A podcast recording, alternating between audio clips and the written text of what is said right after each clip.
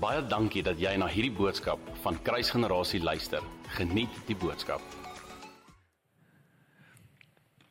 Ek is seker dat meeste van julle en uh, as dit nie almal van julle is nie, al by 'n troue was.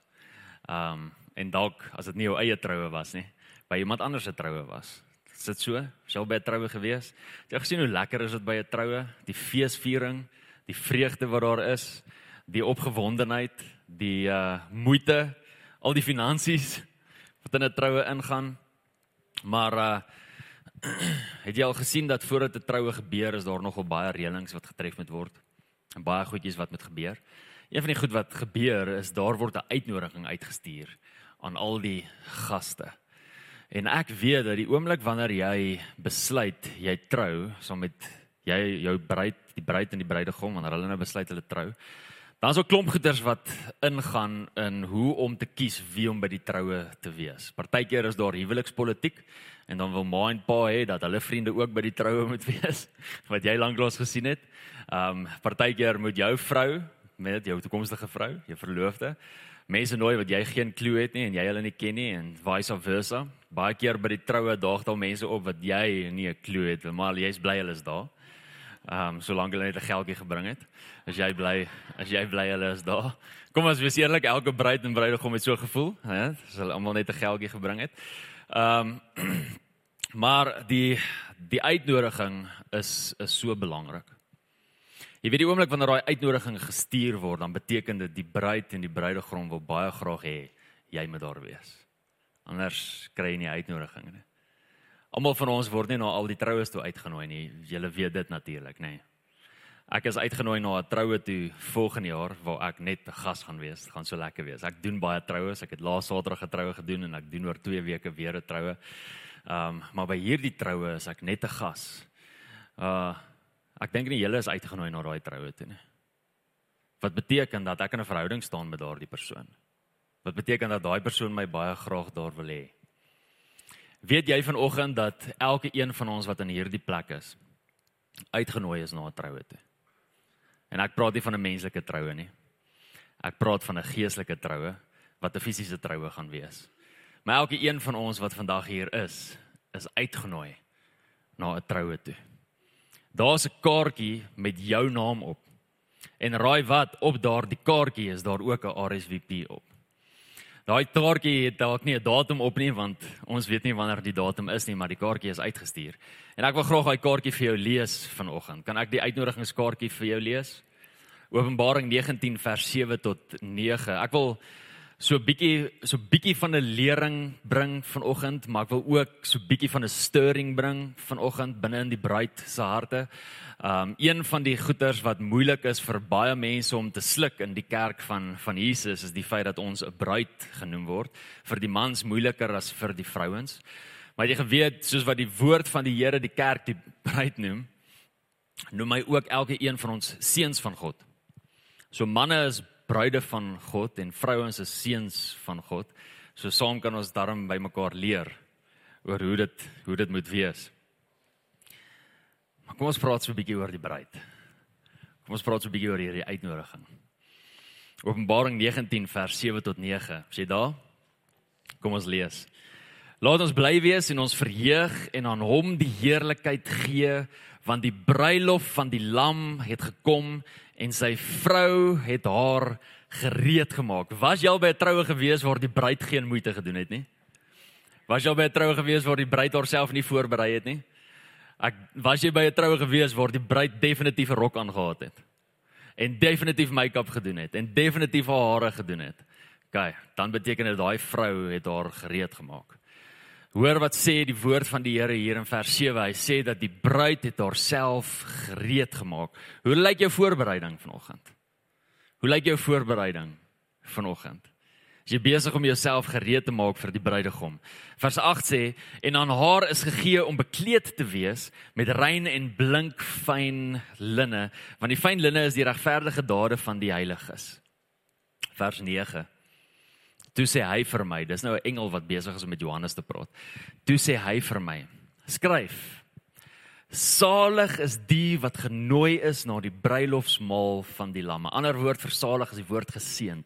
Geseënd is die wat genooi is na die bruilofsmaal van die lam.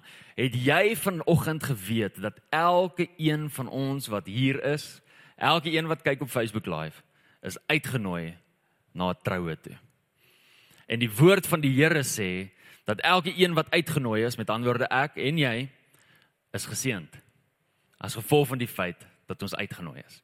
Nou hierdie troue is eintlik 'n 'n merkwaardige troue. Dit is eintlik 'n interessante troue, want het jy geweet jy is nie net genooi as gas nie, maar jy is ook die bruid. Dit is interessant, nê? Nee.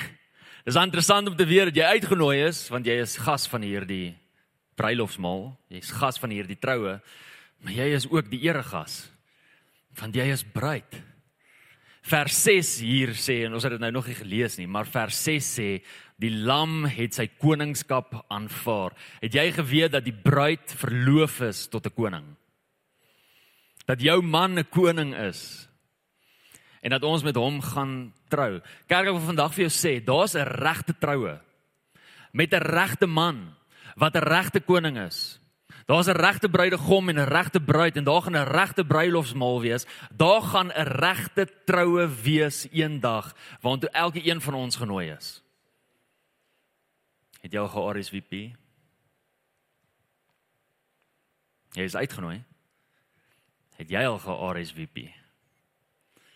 So ek weet nie of jy weet nie, maar in die Ou Testament het troue se se liturgie so klein bietjie anders gelyk as as wat dit vandag lyk. Ek julle almal het nou al gesê julle was by troues gewees. Baie van julle was die die bruidegom en die bruid. En in die westerse kultuur waarvan ons deel vorm, wag die bruidegom voor, die deure maak oop, bruid kom in en die oomblik wanneer die bruid inkom, begin die bruidegom huil en uh almal is opgewonde en stap vorentoe en die bruidegom kry by die skoonpa die bruid En is nog te awkward om die skoonpa 'n swingie te gee, so hy druk hom nog so awkwardly. Ek sien dit by elke troue. En uh, dan vat hy die bruid en die bruid en die bruidegom kom staan voor. Westerse kultuur. Dis hoe dis hoe ons dit dit doen. Het jy geweet in die Bybelse tyd het dit anders gelyk? Die hele liturgie van hoe dit gebeur het het anders gelyk.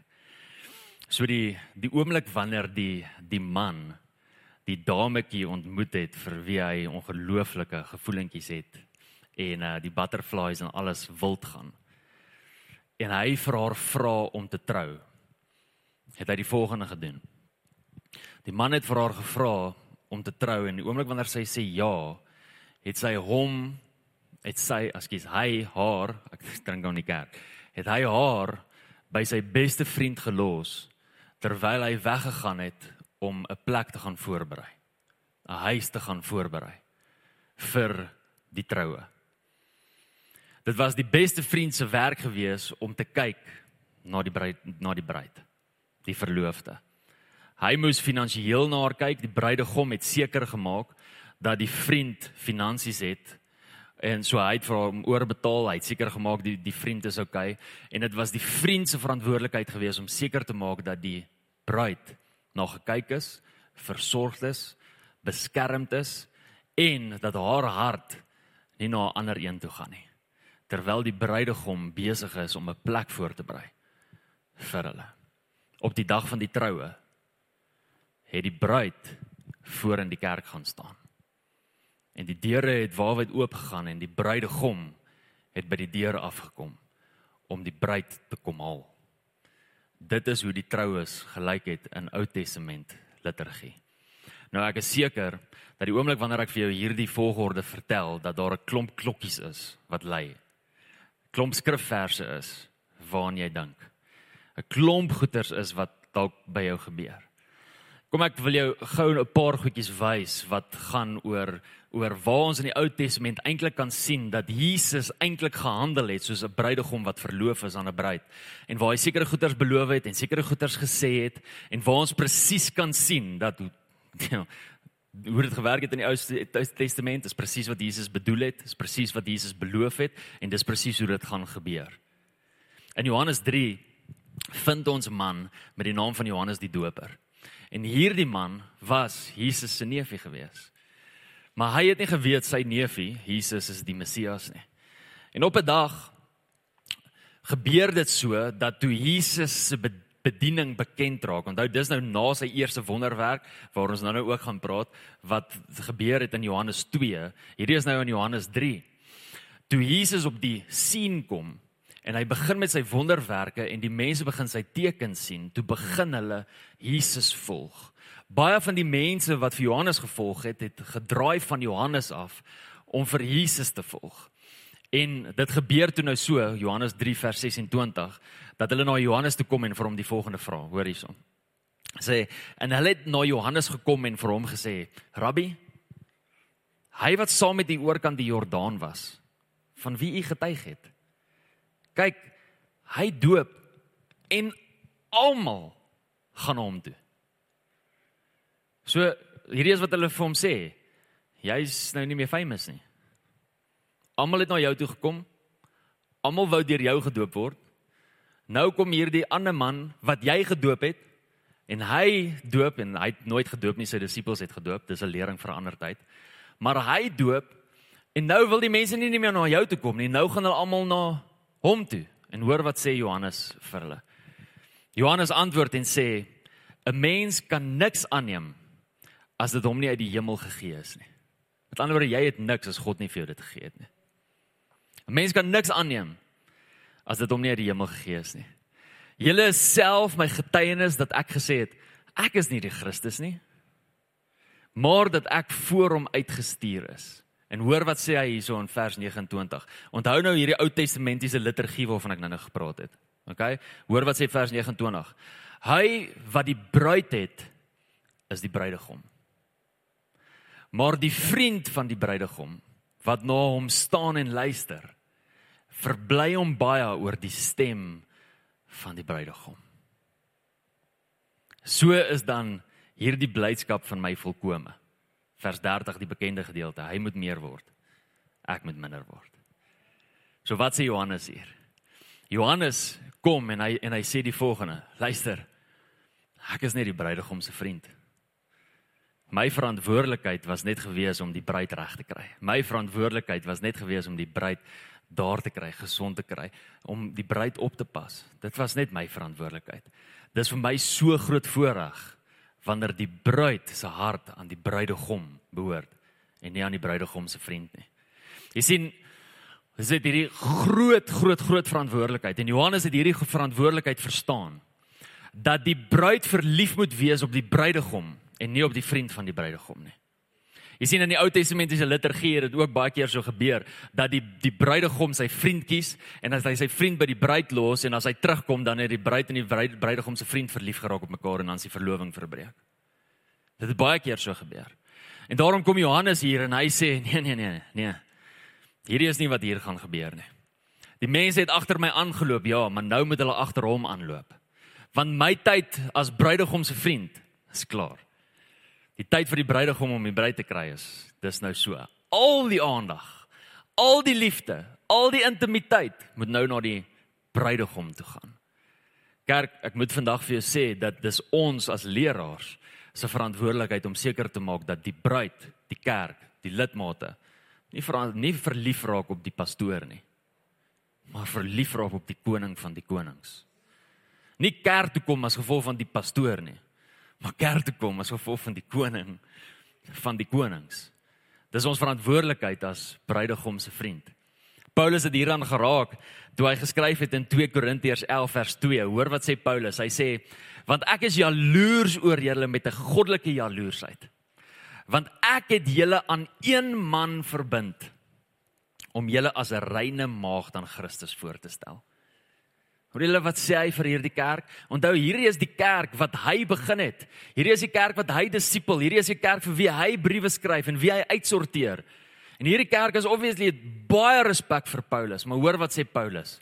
Hy ek het julle verbind aan een man en dis nie ek nie. Kerk, ek het julle verbind aan een man en dis nie ek nie, dis nie Paulus nie.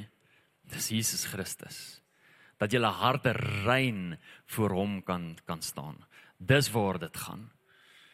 Die bruidegom se vriend moet op 'n stadium uit die pad uitgaan.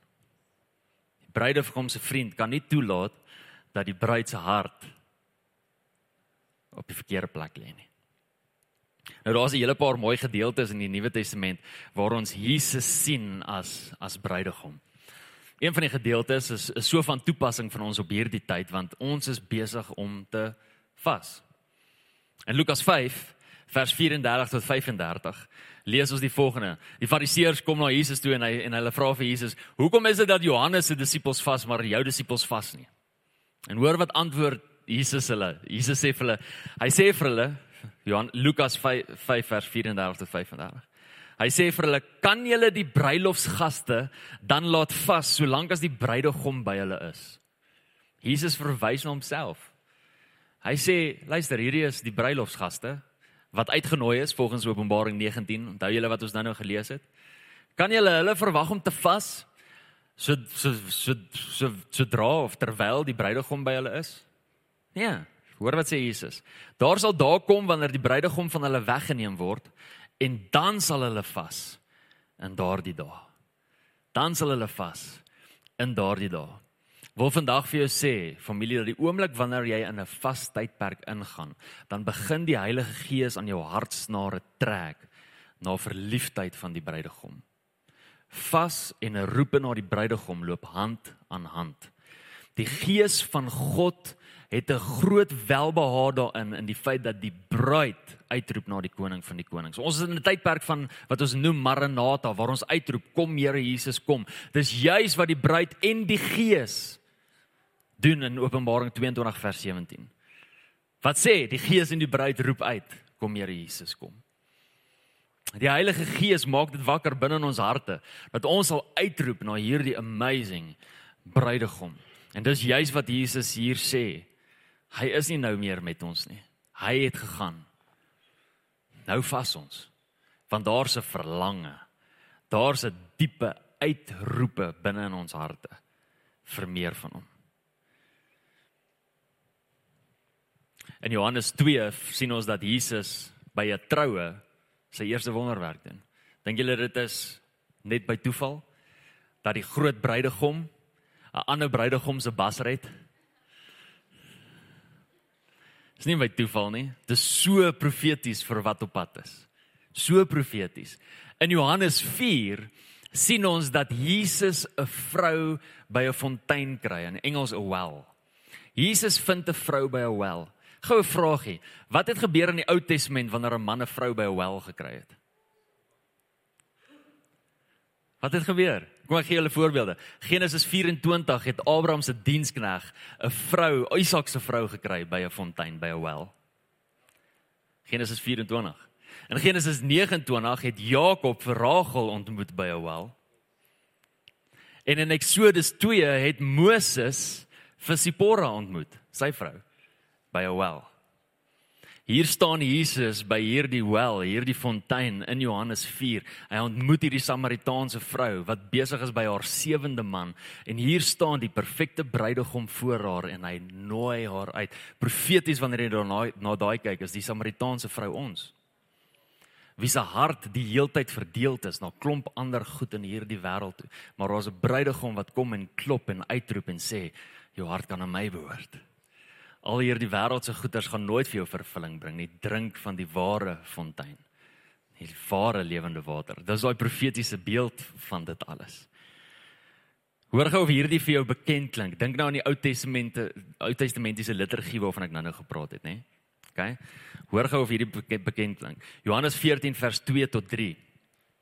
In die huis van my Vader is daar baie wonings, as Jesus wat praat. As dit nie so was nie, sou ek vir julle gesê het ek gaan om vir julle 'n plek te berei. En as ek gegaan het en vir julle 'n plek berei het, kom ek weer en sal julle na my toe neem sodat julle ook kan weet waar ek is. Onthou julle wat ek nou-nou gesê het, die oomblik wanneer die die bruidegom verloving verklaar, die oomblik wanneer hy verloof is, het hy die bruid verlaat by sy beste vriend om te gaan om die huis te gaan bou.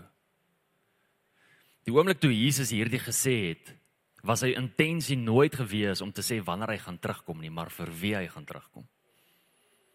Het julle dit gehoor? Die oomblik toe Jesus hierdie gesê het, was sy intensie nooit om te sê wanneer hy gaan terugkom nie, maar vir wie hy gaan terugkom. Kom ons wees eerlik. Baie van ons dink, nee, hy het nog nie teruggekom nie want hy's nog besig om die plek voor te berei. Hallo, weet jy dat hy die hele wêreld geskaap het in 6 dae? 6 letterlike dae. Weet jy dat hy al 2000 jaar daar is? Hierdie gaan nie oor 'n tydperk nie, hierdie gaan oor 'n wie. Dis waar hierdie gedeelte gaan. Jesus het sy disippels so mooi voorberei vir hierdie tydperk. Doen jouself 'n guns en gaan lees bietjie Psalm 45 en gaan kyk wat staan daar, wat sê die Vader van die koning en van die bruid wat vir hom wag.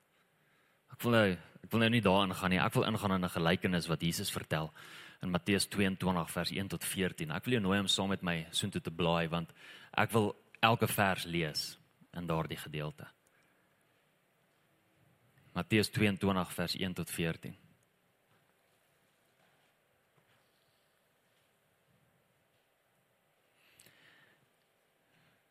En Jesus het weer deur gelykenisse met hulle begin spreek.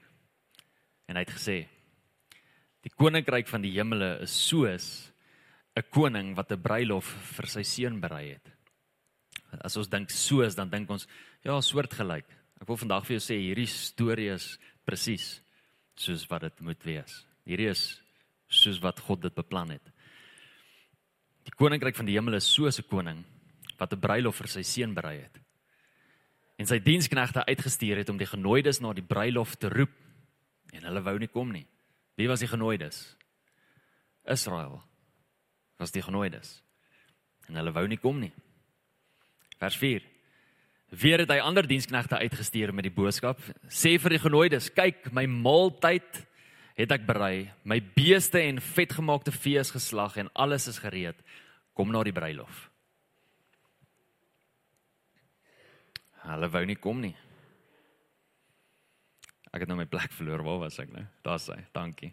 Maar hulle het hulle daaraan nie gesteer nie en weggegaan. Een na sy eie stuk land en 'n ander na sy handelssaak. En die ooriges het sy diensknegt gegryp en mishandel en doodgemaak. En toe die koning dit hoor, het hy kwaad geword en sy manskappe gestuur en daardie moordenaars omgebring en hulle stad aan die brand gesteek. En daarop sê hy vir sy diensknegte: Die bruilof is wel gereed. So hierdie is wat die koning sê. Luister, hulle wou nie kom nie. Maar net omdat hulle nie wou kom nie, beteken nie dat die bruilof nie meer gaan gebeur nie. Die bruilof is gereed. Die bruilof is gereël. OK, kry nou ander gaste. Maar die genooides was dit nie werd nie. Hulle was dit nie werd nie, nie omdat hulle nie dit werd was om genooi te word nie. Hulle was dit nie werd nie omdat hulle nie ge-RSVP het nie. Hulle wou nie kom nie. Dis hoekom hulle nie dit werd was nie. Vers 9: Gaan dan op die kruispaaie en nooi almal wat julle mag vind na die bruilof. En daardie diensknegte het uitgegaan op die paaie en almal versamel wat hulle gevind het. Hoor julle die woord almal en almal? En hoor hier, slegtes sowel as goeies. Hm. En die bruilofsaal het vol gaste geword. Hoor die passie, die begeerte van hierdie koning. Die passie en die begeerte van hierdie koning is dat hierdie bruilofsaal vol mense is. Vol mense. Dit is sy begeerte dat daar soveel mense as moontlik soontoe gaan. Sy begeerte dat soveel mense as moontlik hierdie uitnodiging aanvaar. En daardie diensknegt het uitgegaan op die paai en almal versamel wat hulle gevind het slegte sowel as goeies en die bruilof sal vol gaste geword. En toe die koning ingaan om na die gaste te kyk, sien hy daar iemand wat nie 'n bruilofskleed aan het nie. En hy sê vir hom: "Vriend, hoe het jy hier ingekom sonder 'n bruilofskleed aan?"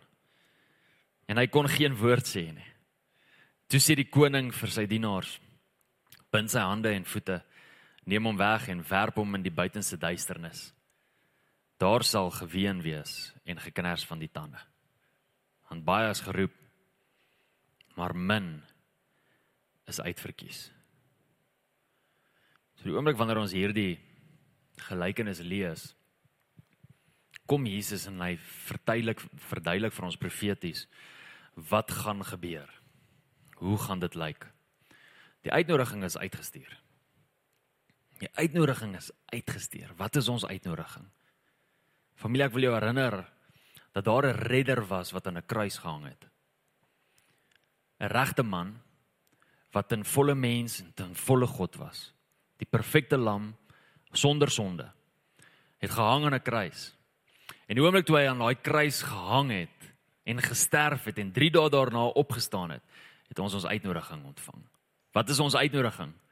Ons uitnodiging is die kruis van Jesus Christus. Wie is uitgenooi na die kruis van Jesus Christus? Of wie vir wie is hier die uitnodiging wat ons noem die kruis van Jesus Christus? Vir almal. Vir jou en vir my. Hierdie gelykenis sê vir die wat sleg was en vir die wat goed was. Almal is uitgenooi met hierdie uitnodiging van die kruis. Maar nou sien ons hier dat hier 'n man is wat ingekom het sonder bruilofskleed aan. Vir my baie merkwaardig. Ek weet nie of julle gesien het nie, maar die oomblik toe die koning vir hom vra, "Hoe het jy hier ingekom?" het hierdie ou geen woord gehad om te sê nie. Julle wat sê dit? Eendag gaan jy nie verskoning hê as jy voor die koning staan nie.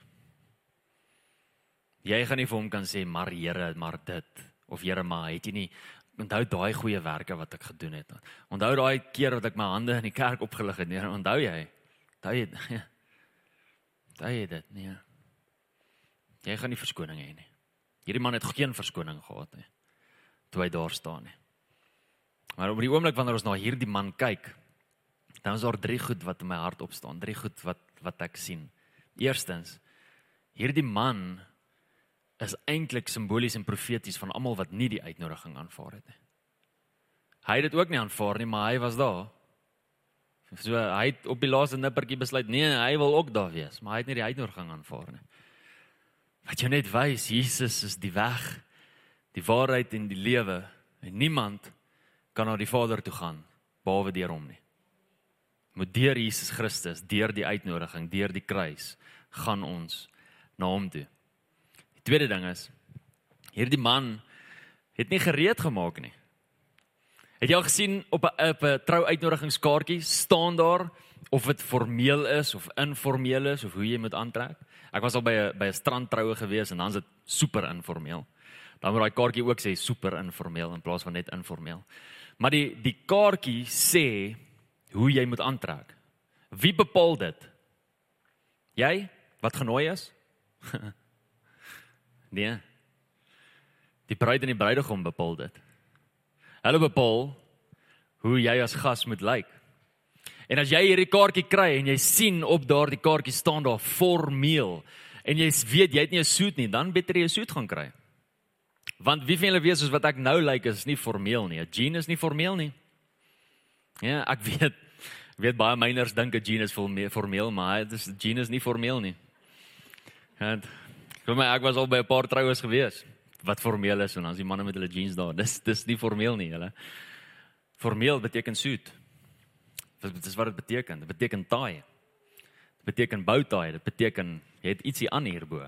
Dis wat formeel beteken. Dit beteken dat jy moeite doen om aan te trek en klaar te maak om daar te wees. Newsflash. Die bruid en die bruidegom is nie die enigstes op 'n troudag wat moeite doen om daar te wees nie. Die gaste doen ook moeite. Die gaste doen ook voorbereiding.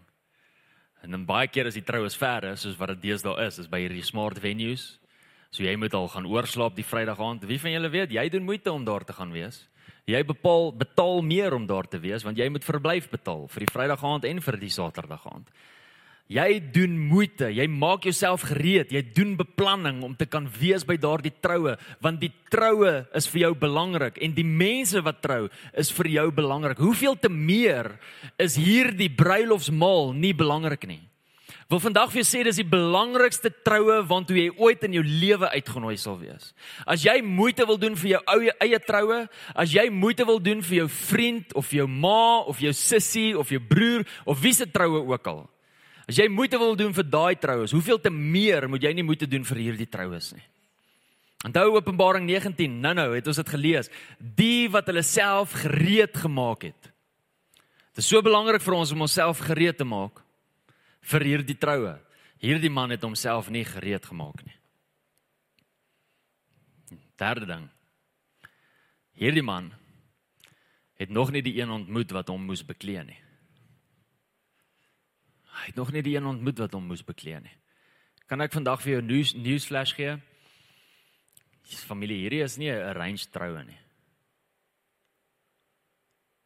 Jy gaan nie eendag as gevolg van ek wat jou voorstel of jou hook-up of jou connect voor Jesus staan en dink, "O, oh, okay, nou gaan ek leer om jou lief te hê."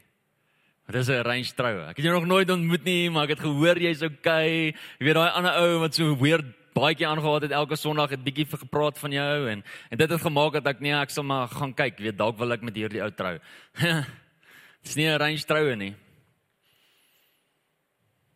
Daar's verhouding voor die tyd. Jy moet hom nou al ken. Jy moet hom nou al ontmoet. Is hy nie die een wat self Matteus 22 vers 37 geskryf het nie, gesê het nie. Jy moet die Here jou God lief hê met jou hele hart, met jou hele siel, al jou verstand en krag. Jy moet kies om in verhouding te staan.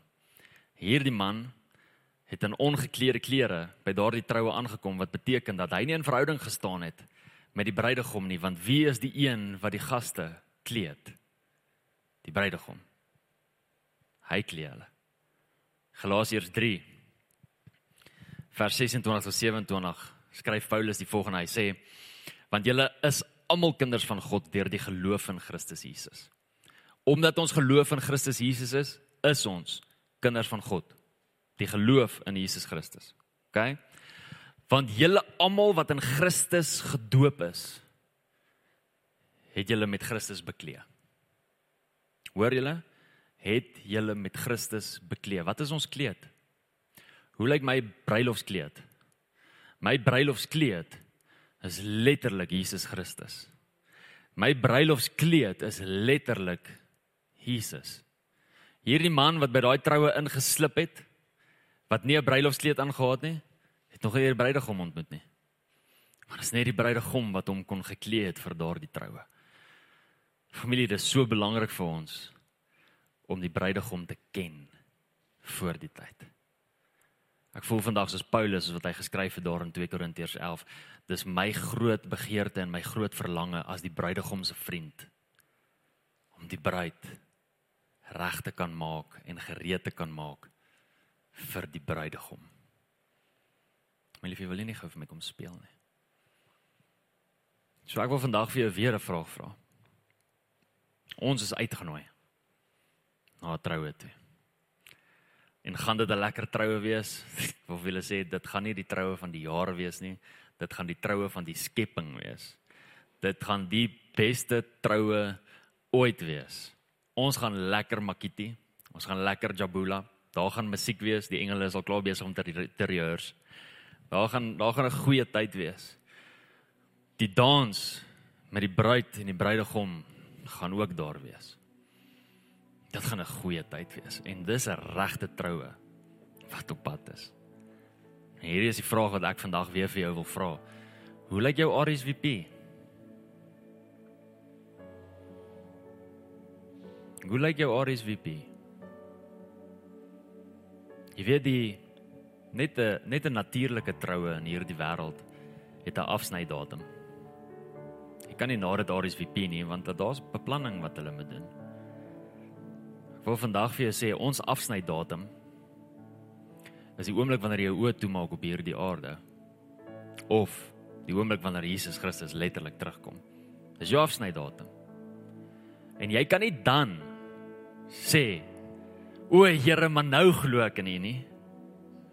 Want dan gaan jy nie iets hê om te sê soos wat hierdie man niks gehad om te sê nie. Ek wil vandag vir jou sê dat as jy hom nog nie ontmoet het nie, jy gaan hom nog ontmoet. Die, die oomblik wanneer jy jou oë toemaak vir ewig op hierdie aarde, maak jou oë daai kant oop en jy gaan hom ontmoet. Ek het hierdie al gesê, maar jy geweet daar's geen ateës in in in die, in die hel nie. Hulle was dalk ateëste op die aarde, maar hulle is nie meer daar ateëste nie. Daar is een ateës in die hel nie. Hulle almal wat in die hel was, is wat ateëste was hier. Hulle almal glo nou. Hulle almal weet nou. En hulle almal is nou spyt. En hulle almal wens hulle het ge-RSVP. Hulle almal wens hulle het ontmoeting gehad met hierdie koning terwyl hulle hier was. Dink aan die ryk man en Lazarus. Die ryk man vir Abraham skree en skree, "Stuur asseblief vir Lazarus terug om my broers te laat weet en hulle te waarsku."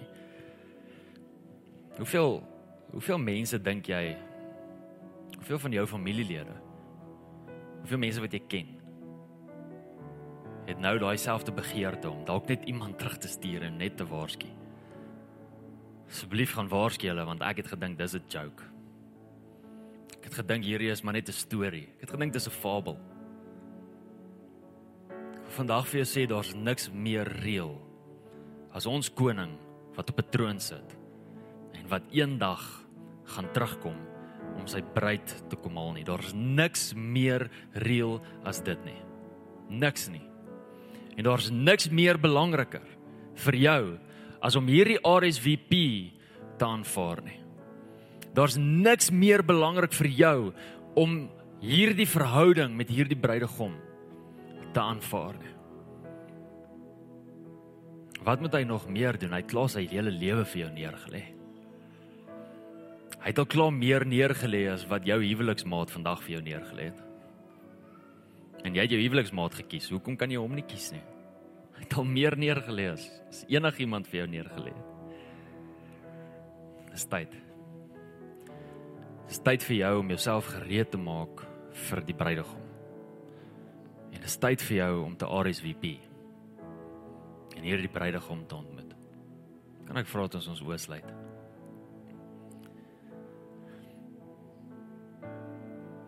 Heilige Gees, U is die beste prediker. Beste prediker. En soveel kere in hierdie tyd word mense deur emosies gelei en selfs vrees. Maar ek bid dat daar nie nou vrees of dat dit deur emosies sal wees nie, Here, maar dat daar 'n diepe verlange, dat daar 'n gees uitroep sal wees. Na die bruidegom. Here, dis my voorreg vandag as die bruidegom se vriend. Om die bruid te kan herinner aan die bruidegom. Om die bruid te kan voorberei vir die bruidegom. En Here, dankie dat U nou in harte werk. En ek wil jou vandag vra. Ek wil jou uitnooi met almal se oë toe. As jy vandag hier is en jy weet, ja, jy het nog nie ge-RSVP nie. Jy het nog nie die bruidegom ontmoet nie. Ek praat nie van jy het al die Here ontmoet en jy was aan die brand en jy het bietjie teruggeval. Ek praat nie van dit nie. Ek praat van jy het nog nooit ontmoeting gehad met die bruidegom nie. Ek wil jou vra om op te staan. Net daar waar jy is.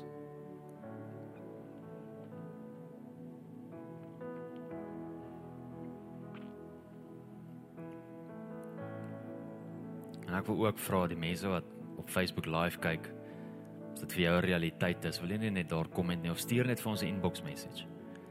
Een van ons pastore sal terugkom na jou toe en jou opvolg. Hierdie oomblik is so belangrik. Dit doen my hart goed. Dit doen my hart goed, Here, om te weet dat almal in hierdie plek die RSVP aanvaar het. Dit doen my hart goed. Here, eendag gaan ons wat die bruid is saam vaskyk aan u oë. Eendag gaan ons almal saam om daai bruilofstafel sit en saam kuier. En ons gaan saam kan terugdink aan hierdie dag waar ons saam gereminis het oor daai oomblik. En saam gedroom het van daardie oomblik. Ons gaan kan terugdink, Here, en ons eer U vir dit. Here, daar's geen beter bruidegom as U nie.